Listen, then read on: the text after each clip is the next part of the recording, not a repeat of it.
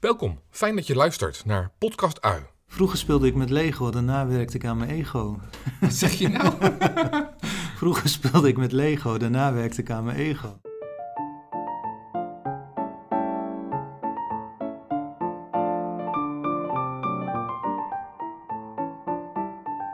In Podcast Ui pellen we af.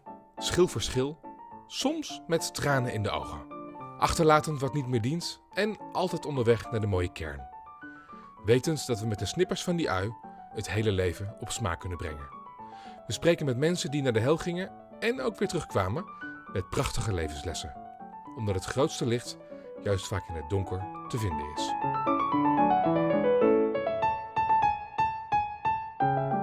Mijn gast van vandaag is een bijzondere vent. Tot vijf maal toe heeft hij een psychose gehad en er is bij hem een innerlijke noodzaak om de waarheid boven tafel te krijgen. Deze allergie voor geheimen ontwikkelde hij door zijn opvoeding, waarin, nou ja, je snapt het al. Ik ben benieuwd hoe het is om midden in een psychose te zitten, maar vooral ook naar zijn weg van ontwikkeling. Want door innerlijke groei slaagt hij erin om nu gewoon een stabiel gezin te creëren en lijkt een psychose verder weg dan ooit. Graag stel ik aan je voor, Jeroen Zwaal.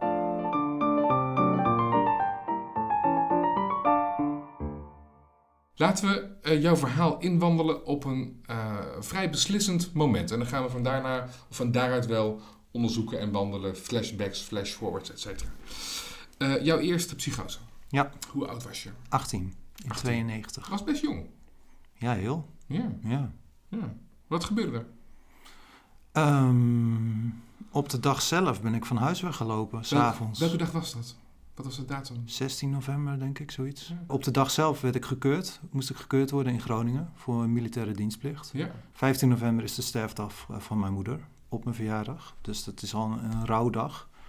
Zij was drie jaar daarvoor overleden. En ik zat thuis met een vader met flink ingewikkeld gedrag, laat ik het zo maar even noemen. Ik heb drie broers. Die waren allemaal uit, uit huis. En ik zat op de HAVO. En nou ja, ik moest dus gekeurd worden. En... Um, ik had me verslapen, daar begon het al mee. Ik had al, de, al een hele week slecht geslapen, want ik was heel erg aan het piekeren over van alles en nog wat. En ik wilde heel erg bewijzen aan de, aan de dienstkeuring dat ik een oké iemand was. Dus ik ben wel gegaan. Was dat belangrijk voor je om te laten zien dat je als mens deugde? Ja, ik, ik, ja want ik had, zat wel in een soort van conflict met mijn vader dat hij vond dat ik gek was. Zo. Het gaat niet goed met jou, jij wordt gek. Uh, het gaat net zo slecht met jou als met je oudste broer. Die heb ik al vanaf mijn zesde psychotisch in worden. Dus het zat al heel erg al in de familie, die problemen. Mm. Dus ik werd opgezadeld met een soort beeld van... het is niet oké met jou. Mm. En ik wilde eigenlijk buiten mijn huis om, zeg maar, bij de, bij de dienstplicht laten zien... Van, ik ben wel oké. Ja, dus... Maar ik was totaal niet oké. Nee, maar... Nee. ja. ja. Dus je werd te laat wakker. Dus dat is al Ja. stress. Je moeder was overleden drie jaar daarvoor op die dag. ja. Of het was haar verjaardag, dus het gaf ook al stress. Tentamenperiode. Tentamenperiode. Ja. Nou, oké. En toen? Toen zat ik in de trein, eh, dat kan ik me nog herinneren, met al een soort van waanbeelden. Dus, dus ik was al ontspoord. En ehm, wat ik me herinner, in de trein had ik mijn eerste wanen. Ja. Dat ik dacht dat ik, de, dat ik invloed had op de snelheid van de trein. En dat, dat mijn gedachten bepaalden eh, hoe hard de trein zou remmen of stoppen. En ik zag mensen in de coupés zitten waarvan ik dacht, hé, hey, die spelen allemaal een rol. Dus, dus ik, ik zat niet meer in mijn leven. Ik werd een soort beschouwer van het leven die, die dacht dat ik in een film zat. Zoiets, een soort dubbel bewustzijn. Ja. Ging al niet heel lekker met je. Dat was niet oké. de, in deze waan. Nee. Toen kwam je aan bij, bij, de, bij de, de keuring. Ja, en daar kon ik me niet meer voegen in het systeem. Dus ik snapte niet meer de volgorde. Ik moest in een rij wachten. Dat, dat gaf verwarring. Eigenlijk wat je dus nu in de krant leest over de verwarde man. Weet je, Mhm. de, de verwarrende man was het eigenlijk. Want de mensen om me heen konden niet snappen van wat, wat heeft die jongen? Heeft hij drugs op? Of, eh, dus dat merkte ik in het contact. Ik kreeg een interview en ze stelden wat vragen. En ik snapte het echt totaal niet meer. Dus ik had zelf ook niet meer in de gaten wat, wat de etiketten waren. Wat de bedoeling was van die dag. Uiteindelijk kan ik me een gesprekje herinneren met een meneer die zei van... nou, bij deze ben je afgekeurd met zo'n code S4 of wat is het of Mhm. zo. Ik wist die code ook helemaal niet. Maar het voelde als een soort verlossing. Alsof ik op dat moment een soort label kreeg waar ik ook nog heel blij mee was ook. Toen had ik dus eigenlijk gewoon terug moeten gaan naar huis. Mhm. Maar ik heb in een... Ja, dan zat ik echt in een waan. Ik zat in een verhaal waarin ik eh, een held was. Mhm. En dat er een oorlog gaande was. En ehm, de geluiden van een bouwplaats waar je dan zo'n zo'n betonapparaat zo, of de, de grond hoort timmeren. Dat heien. Dat ja. heien, dat, ja, dat, dat hele snelle, dat je echt eh, moet plaveien of zo. Mhm. Die, eh, ik weet niet hoe dat heet. Maar dat voelde echt als een, dat klonk als een mitrailleur. Dus ik dacht echt, nou, ze hebben helemaal een scène voor mij eh, gemaakt. En ik ben een soort speel in het web en ik moet zorgen dat ik een missie volbreng. Dus eigenlijk totaal van het padje af. Daarbinnen zocht ik wel contact met mensen. Kan ik me echt nog heel goed herinneren. Ehm, Hoe? Dat ik ergens naar binnen liep en, en iets vroeg of zo. Of, of om te bellen. Ik weet ook niet. We hadden geen mobiele telefoon natuurlijk nog Nee. toen in die tijd. Maar ook met een meisje meeliep. Dat ik vertelde dat ik een vriendinnetje had. En zei, oh leuk, nou ja. En oké, doei, want ik woon hier. Dus ik, eh, ik doe de deur weer dicht. En dat ik echt dacht, huh? Weet je, ik probeerde heel erg contact te zoeken met mensen. Ja. Eigenlijk achteraf om een hulpvraag te stellen. Maar die, daar was ik me helemaal niet van bewust. Hmm. Nou, toen voelde ik wel ergens een moment dat ik naar huis wilde. En dan heel, impulsief eh, bij een stoplicht eh, zie ik een auto eh, aankomen rijden. En ik doe gewoon de deur open. En ik stap gewoon in. En die meneer was een zakenman met zo'n koffertje. En dat koffertje aan de kant geduwd. Nou, wil je me naar het station brengen? Zoiets. Ja, dat, dat zijn niet de wenselijke omgangsnormen. Nee, die was daar niet heel blij mee. Nee, die was angstig en boos waarschijnlijk. En Ja. ik ben weer uitgestapt. Ik denk dat hij de politie heeft gebeld of iemand anders. Maar toen was het een moment later dat ik een grote politieman te paard op me af zag komen. En dat is wel een heel bijzonder moment. Dat, het was heel vervelend. Hij pakte me bij mijn kraag, die politieagent. En die zei echt zo van, "Eh, nou is het afgelopen met het, het eh, lastigvallen van mensen. En op dat moment, en dat heeft het paard zelf gedaan, daar ben ik echt van overtuigd, is dat paard gewoon op mijn voet gaan staan. Dus ik zat echt gewoon in de tang, ik, bovenin gegrepen en mijn voet, een enorme pijnscheut van een paar honderd kilo die erop stond. En dat was wel een reset. Wat deed dat paard daarmee? Mij op de grond zetten, denk ik. Of op mijn plek zetten. Even terug weer in het hier en nu. Ja. Ja. En dat werkte.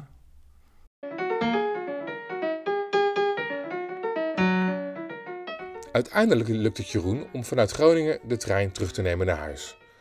Maar ook daar gaat het mis. De psychose is immers nog, nog lang niet weg. De politie van Kampen pikt hem op en brengt hem naar een kliniek waar hij vier maanden blijft. Die eerste psychose duurt zeker twee maanden. Hey, als we kijken naar vroeger, naar daarvoor. eh, was je gelukkig als kind? Had je een goede Ja, jeugd? heel. Ja. Ja? ja. Ik was de oudste jongen in de klas. Ik was geliefd in de klas. Ik eh, kon goed met meiden opschieten. Niks aan de hand dus. Met mij niet, nee. Nou ja. Vertel eens iets over, vertel eens iets over je vader en je moeder. Ja, ehm, mijn moeder is een levensgenieter geweest tot en met. Weet je, die lach van haar, daar, heeft iedereen het nog over. Had graag mensen over de vloer. ehm, ja, gewoon heel liefdevol. En ik had met haar ook een hele goede band. We waren echt twee, eh, twee handen op één buik. Maar ons gezin was verre van oké. En mijn vader was gewoon iemand die wel voor het gezin goed zorgde door heel veel geld in te brengen. Maar zijn eigen ik was niet zo, eh, niet zo aanwezig. Dus, dus hij kwam thuis en dan eh, dronk hij een sherry en dan viel hij in slaap met veel gesnurk. En dan eh, at hij wat en dan ging hij daarna weer naar de avondschool weer lesgeven. Ja. Dat is wat je noemt een afwezige vader. Ja, Ja. Waar Ja. was die als die afwezig was? ja geen idee. Ja, waar was hij? Nou ja, aan het werk, maar, maar waar hij met zijn hoofd was of... Nee, dat is, dat is een vraag die nog nooit gesteld is aan mij. Hij was in elk geval niet voor, niet, niet voor jou en niet voor jullie. Nee, ik ben ook heel boos geweest. Want dat ik, ik heb dan gelukkig drie broers. Maar als ik dan nadenk van wat heb ik allemaal geleerd? Oh ja, fietsen heb ik van mijn, broer, van mijn opa geleerd. Ehm, surfen heb ik van een broer geleerd. Vissen heb ik van een andere broer geleerd. Veten strikken heb ik mezelf geleerd. Ik kan gewoon niks bedenken wat ik van mijn vader heb geleerd. Hmm. Dat vind ik best wel triest. Ja. Ja, Je zegt eigenlijk heeft hij nooit vader kunnen worden. dat klopt, ja. Want Hij heeft zijn eigen band met zijn vader afgesneden op zijn vierde. Toen hij zelf vier jaar oud was. Ja. Toen heeft hij mijn opa voor dood verklaard, heb ik gehoord, via via. Dat is lekker. Nee. Nee, maar wat, Nee. wat, wat- En ik zit gewoon nu met buikpijn zelfs. Hè? Dus dat, dat Hmm. zegt al hoeveel eh, er van binnen in mijn systeem nog zit. dus, aan hij heeft, ellende. dus hij heeft zijn eigen vader voor dood verklaard. Ja, in 1944, of denk ik, Ja? zoiets. Weet Dus- je wat daar is gebeurd? Nee. Maar goed, dat is natuurlijk geen lekkere basis om dan vervolgens zelf kinderen op de wereld te geven. Juist, ja. En daar heeft hij wel voor gekozen. Toch noem je je jeugd eh, goed en gelukkig? Want ja, je kent ook niet beter, dat, dat is het vaak. Hè? Je, je weet Ja. niet beter. Nou ja, wat natuurlijk wel helder was, helemaal achteraf. Ik ben zelf hulpverlener geworden. Vanaf mijn 22e ongeveer ben ik die studiekant gaan kiezen. Ook niet voor niks natuurlijk, maar als kind werd ik al geconfronteerd met een hele zieke broer die 14 was en toen psychotisch werd. Dus ons hele gezin heeft steeds in een ontwrichtende situatie gezeten en moest ik eh, op de middelbare school onder gymles naar de RIAG voor gezinstherapie. Weet je, we hadden altijd heel veel ellende. Mijn broer is in Ermelo opgenomen geweest, in Harderwijk, in Apeldoorn. Dus we, er was altijd iets aan de hand. Wat was, de, wat was de bron van die familieonrust?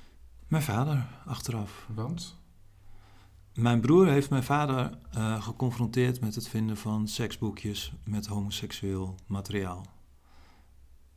Dus dat was een taboe en dat klopt niet, want mijn vader is getrouwd met mijn moeder en we zijn een happy family, zogenaamd, voor de buitenwereld.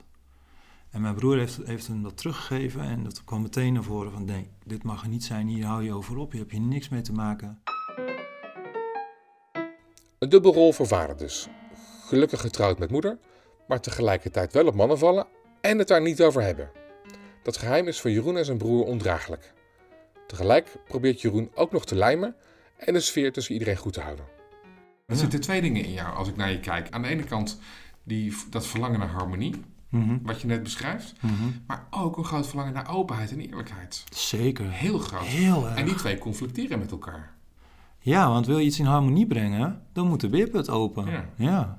Hoe heb je die beerput geprobeerd open te maken dan? Nou, ik denk ook door ehm, al- altijd bij mezelf te blijven. Wat, Wat, vroeg je aan je vader? wat doe ik hier nou verkeerd bijvoorbeeld? Mhm. Nou, wat ik bijvoorbeeld vroeg aan... Hé hey pap, waarom moeten we eerst heel veel ruzie maken... voordat we dit gesprek hebben wat we nu hebben? Ik ben er zo klaar mee. Het is zo vermoeiend. Elke keer die ruzies. Mijn leidinggevende zei veel later... Jeroen, je hebt een, een talent om de vinger op de zere plek te leggen. En dat deed ik, denk ik, Ja. onbewust. En mijn vader, die, die kon dat niet hebben.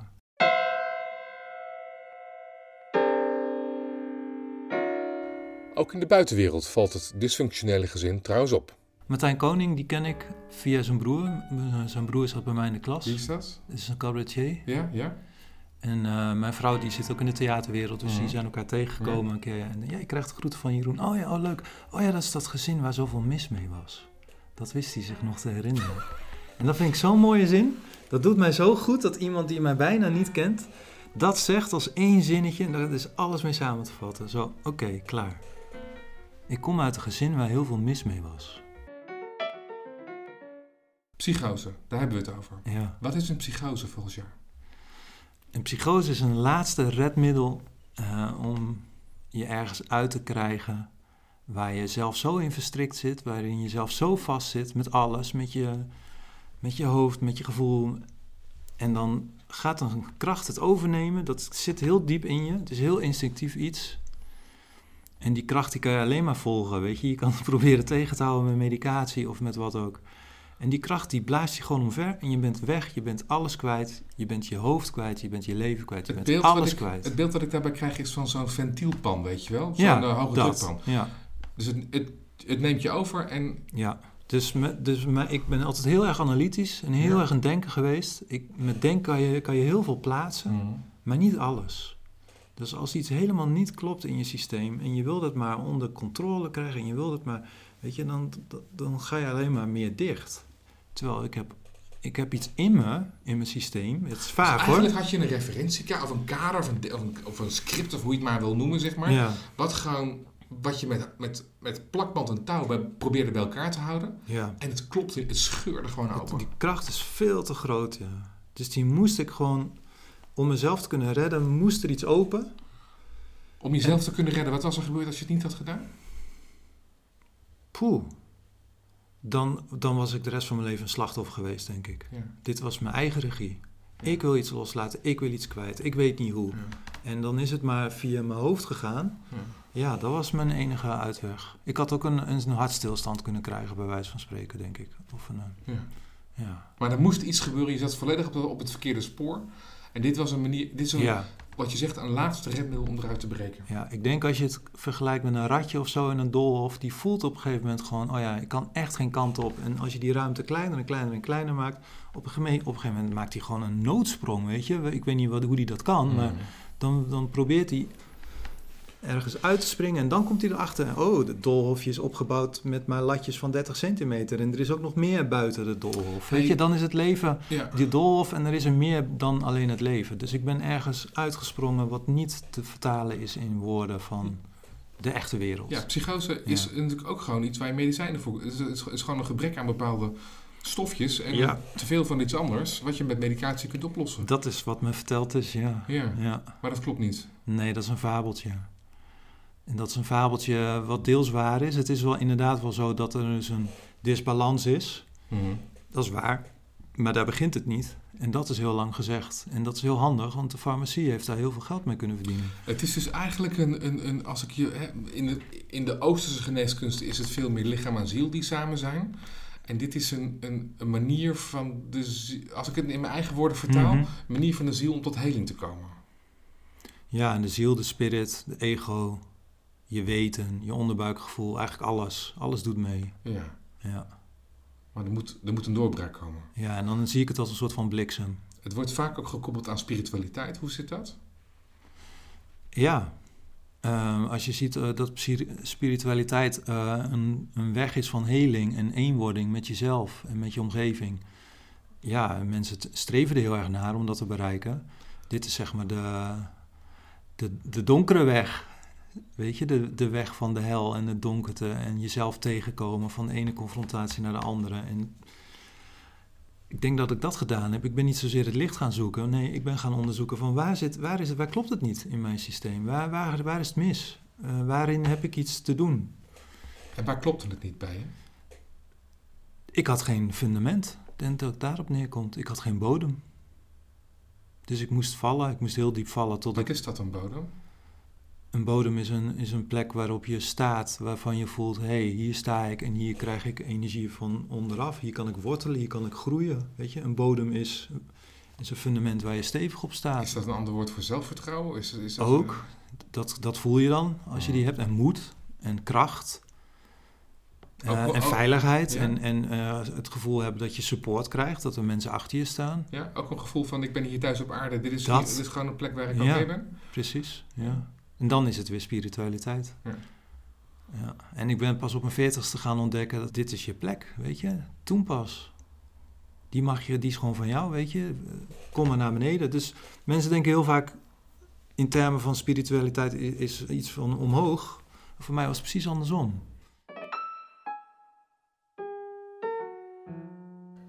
Omlaag dus. Praktisch, concreet, uit het denken. En juist zijn eigen plek innemen. Al levert dat ook een breuk met het gezin op. Voor de innerlijke breuk is het dan overigens nog lang niet de juiste tijd. Je hebt er uiteindelijk vijf gehad. Ja. Vijf psychoses. Was je heel erg hardleers? Of was de les zo groot dat je meer stukjes moest, moest doen? Beide, denk ik. Ja? Ja, het is een enorme les. Weet je, wat ik nu weet, weet weten ze nog niet in GGZ-land. En, en ehm, het is of lichamelijk nog steeds of geestelijk. Wat bedoel je met, daar weten ze in GGZ nog helemaal niks van? Dat zijn professionals, die psychiaters. Ja, ik ben ook een professional als hulpverlener geweest en als Maar- ervaringsdeskundige. Maar psychiaters eh, hebben een soort van methode dat een ziekte is een, is een palet aan symptomen. Die zetten we onder elkaar. En als je er vijf van hebt van de negen, dan noemen we dat een ziektebeeld. En daar schrijven we medicatie voor uit. Dat is een beetje het gangbare. Ja. En niet van, hé hey joh, waar kom je vandaan? Wat is er gebeurd? Wa- Wat, oh, dit was een, een vervelende reactie, want die klopt niet. Maar het is wel een gezonde reactie op iets wat groters, wat, wat nog veel meer niet klopt. Doen ze dat helemaal niet? Gelukkig wel. Ik ben wel ergens pessimistisch. Ik heb natuurlijk ook over GGZ van 20 jaar geleden. Maar de goede psychiaters weten een, een relatie op te bouwen met iemand. En die zet zich in om een verschil te maken en een patroon te, te doorbreken. En daar kan medicatie prima voor zijn. We, gaan, eh, we, sla- we slaan er drie over. Ja, graag. Drie psychoses. Heel mooi. en we gaan naar je vijfde psychose. Dat was Ja. ook de laatste. Ja. Was daar ook zo'n aanloop, die als die je net besch- eh, beschrijft bij de eerste? Nee, totaal anders. In de vijfde was het een aanleiding van ehm, niks, wil ik eigenlijk bijna zeggen. Gewoon op de woensdagmiddag zat ik in een vergadering met mijn collega's als hulpverlener. We hadden al drie maanden een heel heftige periode van onderbezetting.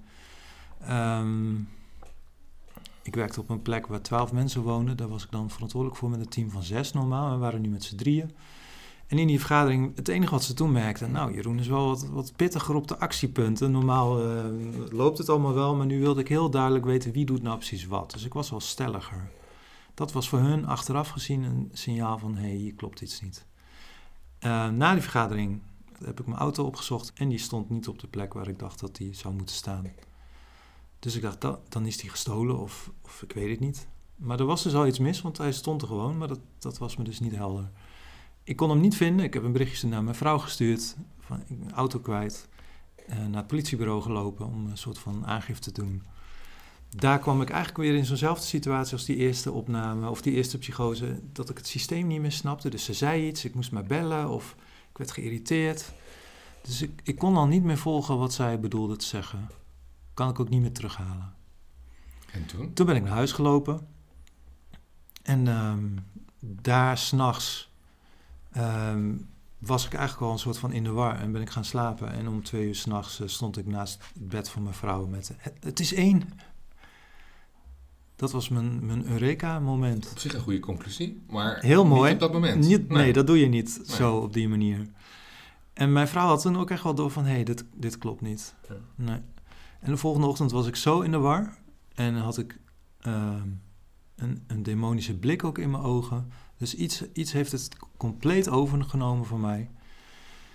En dit was echt heel moeilijk, want ehm, toen heb ik de zere plek uh, onbewust bij mijn vrouw neergelegd. En dat wist zij niet bewust en ik ook niet. Maar ik heb gedrag getoond en dat was het spiegelen van wat haar is overkomen in haar jeugd. Um, zij is misbruikt door haar oom en door haar vader. En ze wist dat die oom een foute oom was, want op haar vijftiende is ook al een keer iets gebeurd. En die broers zijn ook al een keer aangesproken door, uh, nog voordat ze getrouwd waren met de huidige... Dus jouw vrouw had een achtergrond met seksueel misbruik? Ja, precies. En wat heb jij dan gedaan? Ik heb dat, ik heb dat gekopieerd en dat haar, aan haar ook geëxposed, onbewust. Dus ik, dus ik heb me half ontkleed en ja. ik probeerde haar uh, je hebt, je te versieren. Ja, opgedrongen. Zeg maar. ja, dat is wel een nette term. Ja. En, en dus, dat is een nette term voor eigenlijk gewoon... Uh, een soort van poging tot aanranding. Verschrikkelijk. In mijn verwarring. En ze was heel bang. Ja. Ja. En in mijn psychose had ik het gevoel dat zij evil was, dat, dat er bij haar iets niet klopte. En we hebben een gezin met een dochtertje, dat dochtertje Suze, ze was toen drie. En ik heb haar beschermd. dat moest ik doen. Wij... Wat, ik, wat ik zo fascinerend, daar komen we zo ja. op, op uh, door, maar wat ik zo fascinerend vind, is dat uh, het lijkt wel alsof psychose ook zo vaak gaat over waarheid. Waarheid naar boven halen. Want wat jij doet met, met, die, met die vrouw, met jouw Mhm. vrouw. Ja, met die vrouw. Ja. met jouw vrouw. is ook weer, de, is ook Ja. in je onbewustzijn. Maar is. En nou moet die waarheid op tafel Juist, komen. ja. Op een verschrikkelijke manier. En daar ben ik niet bewust van Had dat niet zelf. anders hè. gekund. Maar dat is wel Ja. dat je, je wil die waarheid boven Ja. tafel halen. Dus heel erg gekoppeld aan, En gekoppeld ook aan degene waar je dus heel erg van houdt. ja, De relatie. ja, Ik omarm haar. Ze is mijn vrouw. Weet Ja. je, ik neem haar zoals ze is. ja, En dat stuk komt er dus wel bij. ja. Zelfs een stuk wat ze zelf niet weet. Ja, dat ben ik blijkbaar. Helaas zeg ik, maar ergens ook godzijdank. ja. Want, want dat brengt, dat, dan komt er dus wel iets in het licht of zo, hè? Je zei net, toen onderbrak ik je met mijn, Ja. met mijn eh, wat ik daarover dacht, ehm, dat je ook iets met je dochtertje deed. Ja, Wat deed je? zij en ik waren de heilige graal in, Ja. mijn, eh, in mijn beleving. Dus Ah, in, in, je, in je waan. in mijn waan. Ja, Ja.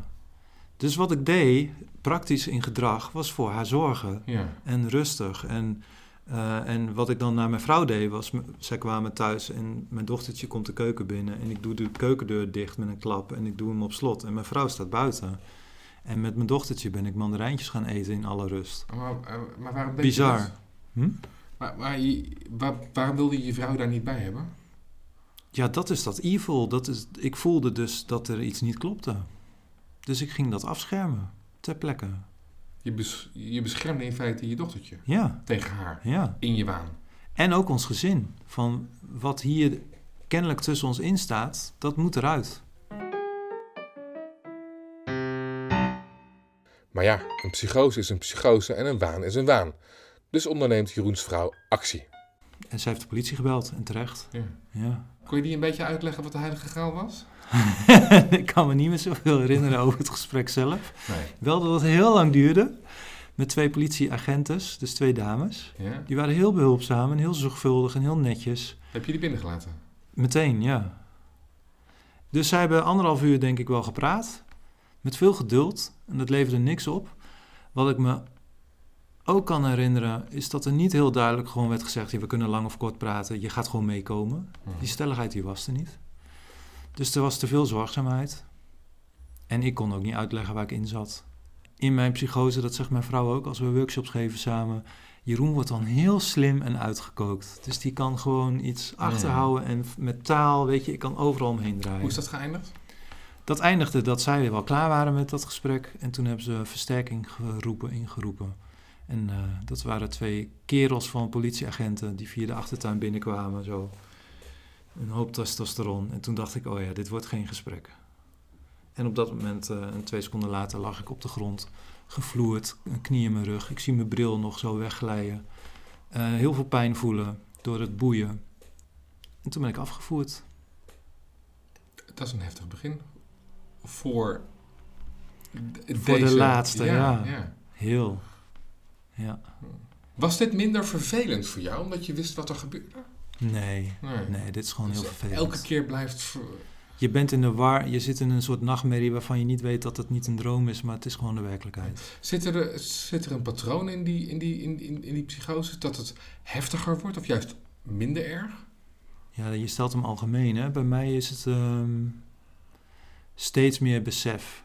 In de psychose zelf niet. Weet je, oh, ik heb weer koorts, hè? Alsof, als je het Ja. zo kan vergelijken. Maar je leert wel herkennen wat er mis is en wat er aan de hand is. Anders had ik dit ook niet kunnen vertellen allemaal. Ja. Dus ik leer steeds meer. Ja. Vanaf de derde keer, dat zegt mijn beste vriend ook, vanaf dat moment wist ik, wat er ook gebeurt, Jeroen komt er altijd wel weer uit.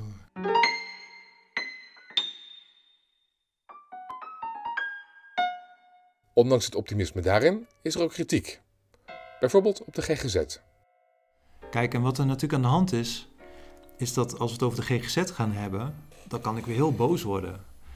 Er was dus iets tussen mij en mijn vader toen ik 18 was. Ja. Laten we dat even gewoon heel sec zo zien. Er was een... een, een, Een probleem. Ja. Het maakt niet uit hoe we dat verder omschrijven. Ja. En de GGZ is daartussen gekomen. Ja.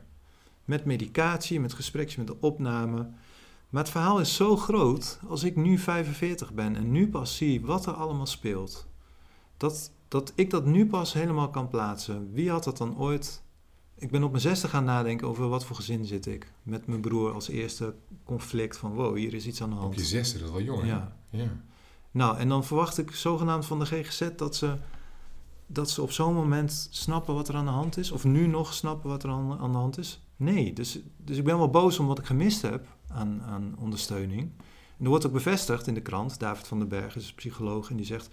80% van mensen met psychosegevoeligheid krijgt niet de juiste hulp. Die moeten traumabehandeling hebben. Maar wat gebeurt er? Hulpverleners zijn te bang om het aan te gaan. Nou, toen ik dat las, dacht ik, wow, Wat bedoel je met, met hulpverleners en te bang om het aan te gaan? Daar zijn ze toch voor? Ja, maar dat is, dat is wat er gebeurt. Die durven dat niet. De bierput open. Ja, maar ook collectief trauma zit wat mij betreft in ons allemaal. Dus als je dat zelf nog niet ontdekt hebt, kan je dat ook niet voor een ander ondersteunen. Ja. Dus die generatie van na, weet je, mijn vader is dan net in de oorlog, net na de oorlog. Hmm. Daar is iets gebeurd van, hé, hey, we moeten door, geen emoties, geen gevoel, we moeten het land opbouwen. Dus al die kinderen die daarna ontstaan zijn, hebben iets meegekregen. Het is allemaal echo's van, van leed en pijn. Ja. En als daar hulpverleners uit voortkomen, die daar niet zelf mee aan de slag zijn gega- zijn gegaan, en die komen tegenover cliënten die daar middenin zitten, Ja. dat, is, dat is onveilig om, om dat eh, te ondersteunen. Veel te groot. Ja, en maar om mijn zin af te maken, Ja. het feit dat ik mijn vader eindelijk kan vergeven, zeg maar, of los kan laten, of uit zijn rol kan ontslaan, maakt dat die GGZ voor mij ook niet meer van toepassing is. Die heeft er altijd tussen gestaan, maar daar draai ik ook van weg. Daarom kan ik ook geen hulpverlener meer zijn. En daarom, daarom kan ik nog wel boos zijn om het feit wat ik gemist heb. Maar ik, heb ook, ik word ook mild naar de GGZ. We hebben het niet geweten al die jaren. En dat vind ik iets heel moois om, om dat ze te vertellen als iemand met zoveel leed opgelopen in de GGZ.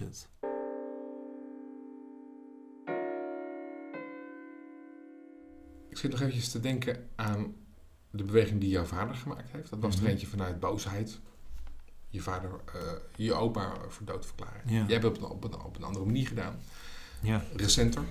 Ja, inderdaad, met, met het idee van je leeft en in liefde zijn we verbonden, maar niet meer in het gewone. Ja.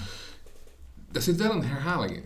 En we weten niet wat je opa heeft gedaan met zijn vader. Maar goed, Nee, die ken ik ook niet. wat nee. we wel weten is dat dingen van generatie op generatie worden overgenomen. Dat dingen in het Ja. systeem zitten. Precies, ja. Je hebt natuurlijk redelijk wat aan jezelf gewerkt de afgelopen jaren. Je moest wel. Vanaf mijn zesde, zeg ik. Vroeger speelde ik met Lego, daarna werkte ik aan mijn ego, zei ik wel eens. Wat zeg je nou? Vroeger speelde ik met Lego, daarna werkte ik aan mijn ego. De vraag die je... Ja, hier kom ik niet meer overheen met mijn, eh, met mijn vraag. Wat ik, eigenlijk, wat ik van je wil weten is... Jouw dochter heet Suze. Ja, Hoe groot is de kans dat zij over een tijdje zegt... Hé hey, pap, eh, tabé. ja. Heb ik ook wel eens met haar besproken. Dan zeg ik tussen neus en lippen door... Oh schatje, let me even niet op mij, weet je. Ik ben verdrietig, want ik zit in gedoe tussen mij en mijn vader. Ik hoop niet dat jij het krijgt, weet je. Dat zou ik heel lastig vinden. En dan zegt ze, hoezo? Je bent toch een hele lieve papa? Nou, en dan gaat het bij mij echt zo... Dan zakt alles weer. Dan denk ik, ja. Dat is mijn antwoord. Hoewel ik me ook kan voorstellen... en Ik wil je niks aanpraten en haar al helemaal niet. Nee, alles mag. Maar ik kan me natuurlijk wel voorstellen dat zij eh, jou de eerste jaren ook gemist heeft. Omdat je ook met andere dingen bezig was. Namelijk met jezelf. Dat weet ik niet. Kijk, op het moment dat iedereen weer aan het werk is... en ik herstellende ben van de psychose... zat ik naast haar op de bank Teletubby-filmpjes te kijken. Dus ik was heel erg voor haar. Nee, maar het is iets anders. Het is niet dat ik alleen maar met mezelf bezig ben. Ik ben juist... Dat merk ik nu ook, deze weken ook, met corona en gedoe. Ik ben altijd heel erg met alle posities bezig. Ja. Dus met mijn vrouw, met mijn dochter, met mij. Dat is mijn hulpverlenersrol. Ik, ik wil gewoon dat iedereen op de goede positie staat. En als ik niet voor mezelf zorg, dan vergeet ik dat ik dat zelf ook heb te doen.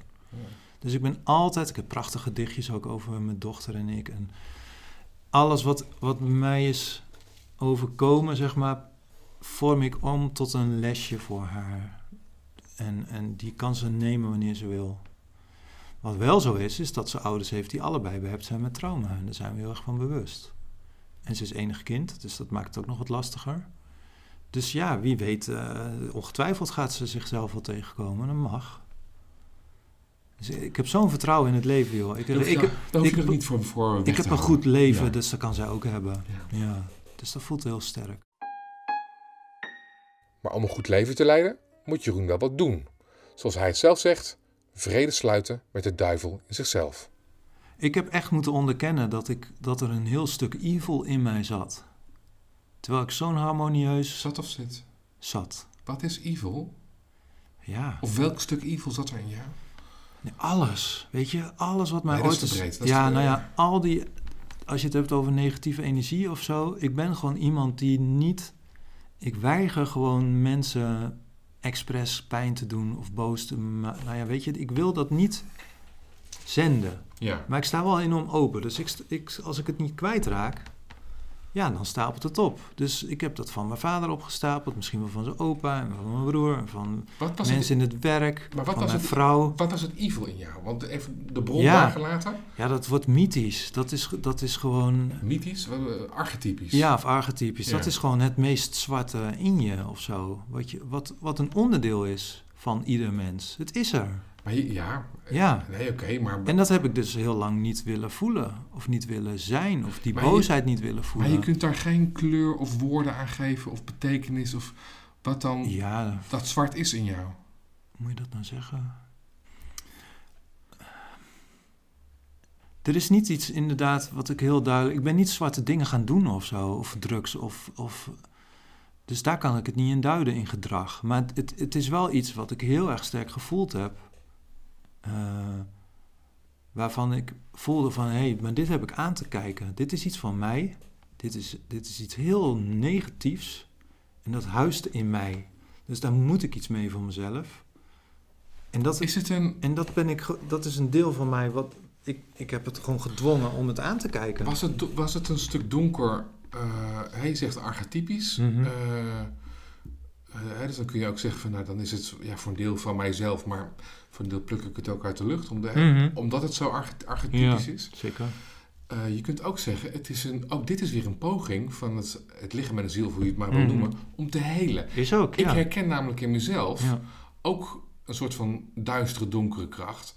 Dan ga ik grapjes maken tussen haakjes, of dan ga ik etteren om, Ja. om iets duidelijk te maken, om iets naar boven te laten komen. ja. Dus dan is het meer, dan is het niet, niet, niet zozeer een zieke beweging, maar een helende beweging. Maar wat, wat er bij mij is gebeurd, en ik heb het ook getekend. ehm, het- mijn vader heeft dat ergens ook. Die kan altijd heel goed bij anderen zien wat er mis is. Ja, Dus ik ben zo gevoelig en ik kan prima zien. Oh ja, ook in mijn opname toen. Oh ja, hij is negatief en hij is oké. weet je, kon Ja. ik duiden. ja. Maar dan vergeet je dat je dat zelf ook hebt. Maar je- Dus die spiegel. Ik heb mezelf gewoon een spiegel voorgehouden en, en onderkend van ja, je kan wel zeggen van ik ben goed en de buitenwereld is slecht, maar je bent de maar buitenwereld. goed, je zegt net, tot mijn zesde was ik bezig met Lego, daarna met ego. Ja, Je hebt dus geen, tot nog toe niet een zicht gekregen op wat, eh, op wat dat diepe, diepe donker dan precies is. ja, dat het er is, Ja. dat is genoeg, denk ik. Ja? Ja, dat dat ook in mij is. En voel je het verlangen om te weten wat het is? Nee, totaal niet. Je hebt het omarmd en dat is het. Ja, Was dat moeilijk, het omarmen? ja. Ik denk dat daar die vijf psychoses voor nodig waren. Mhm. Het is, het is bijna nou ja, die, dat yin-yang teken of zo. Mhm. Met, met die stipjes en, en de helft is donker, de helft is Ja. wit. Als dat je kern is, je centrum, en je wil daar uitkomen, dan moet je gaan staan op goed en kwaad. Ja. Je kan niet op het witte vlakje blijven staan En van ik daarvoor ben is het goed. niet nodig te weten wat het Nee. is. Nee. Op wat voor manier is- is- heeft het donker nu in jou, of dat zwart nu een- nu een rol in jou? Ja, eigenlijk geen. Ja, maar je zegt net dat je het helemaal hebt omarmd. En Ja, het- en daarmee is die er gewoon. En, en hoef ik er niks mee. Dat is het fijne. En in die zin is het een rol, of, of speelt die mee, is dat ik geen angst heb. Of dat het zwarte donkere van anderen prima is, van jou. Je hebt erkend dat het donker er is. Ja, En daarmee ben je niet meer gemeen naar anderen, niet meer... dat was ik al eigenlijk niet. Nee, maar...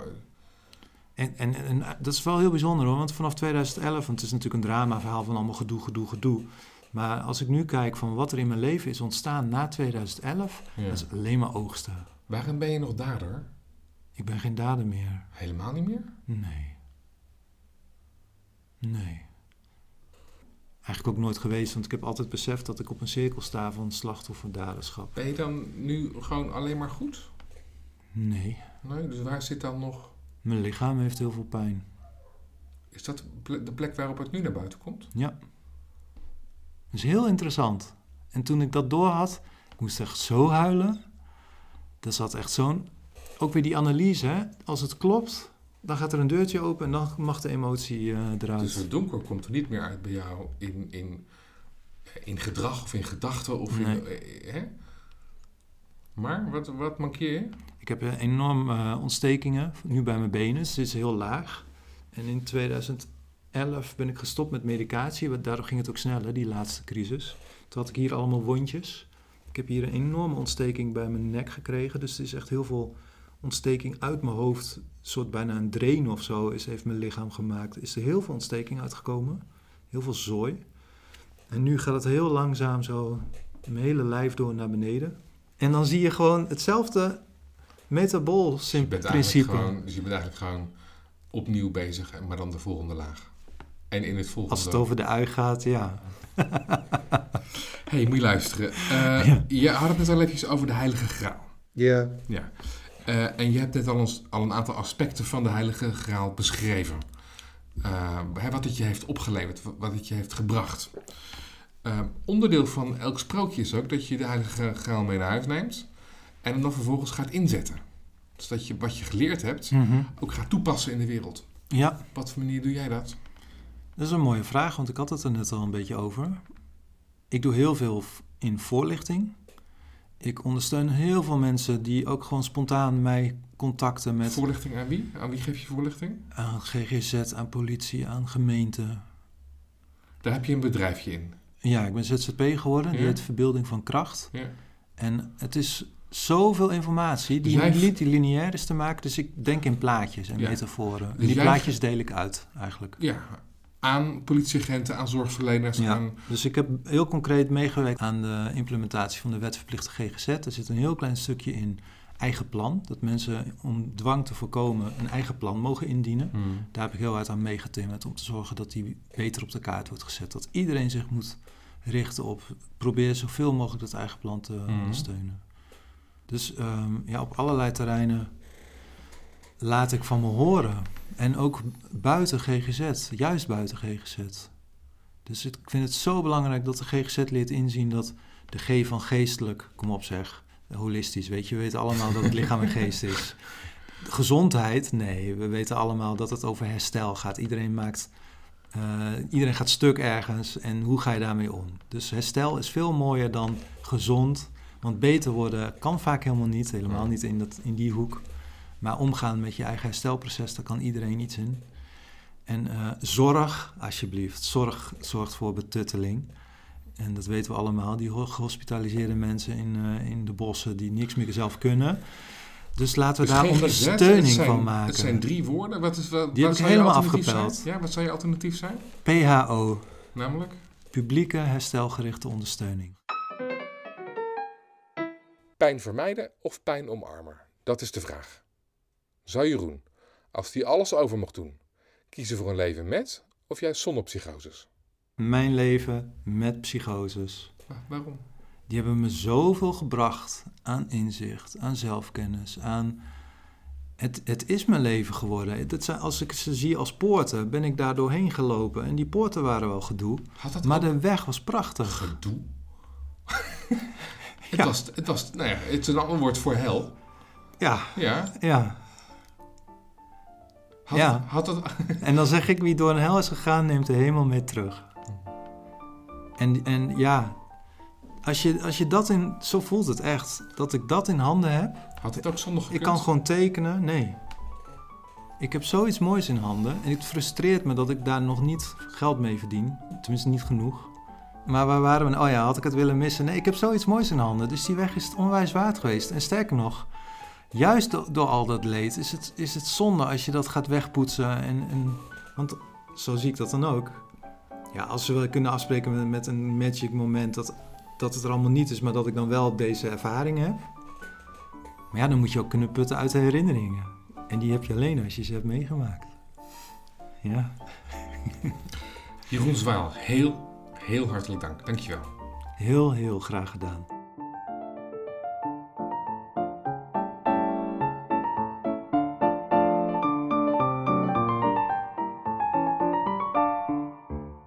Vond je deze aflevering met Jeroen Zwaal interessant? Kijk dan eens op podcastuit.nl of in je favoriete podcast-app of je ook geraakt wordt door de interessante levensverhalen van andere mensen. Jeroen ontwikkelde trouwens een virtual reality bril waarmee je zelf kunt beleven hoe het is om verward te zijn. Kijk op vrdeverwardeman.nl. Bij Podcast Uit geloven wij in openheid en kwetsbaarheid, omdat we geloven dat iedereen wel eens onderuit glijdt in het leven en het slim is om het daar een inspirerende gesprekken over te hebben. Als je wil dat andere mensen deze podcast ook luisteren, stuur ze dan vooral door. Of geef ons een recensie in de app. Dat maakt ons beter vindbaar in de algoritmes. Dat zouden we hartstikke fijn vinden. En dan wij nog even. Mijn naam is Basti Barancini. Ik doe redactie en interviews. En achter de schermen werkt Saskia van der Schaaf. Zij doet redactie, techniek en website. De prachtige muziek is van Andrew Bissett onder Creative Commons op Free Music Archive. De soundtrack is zoals vanouds van Sergei Rachmaninoff. Heel graag tot de volgende aflevering.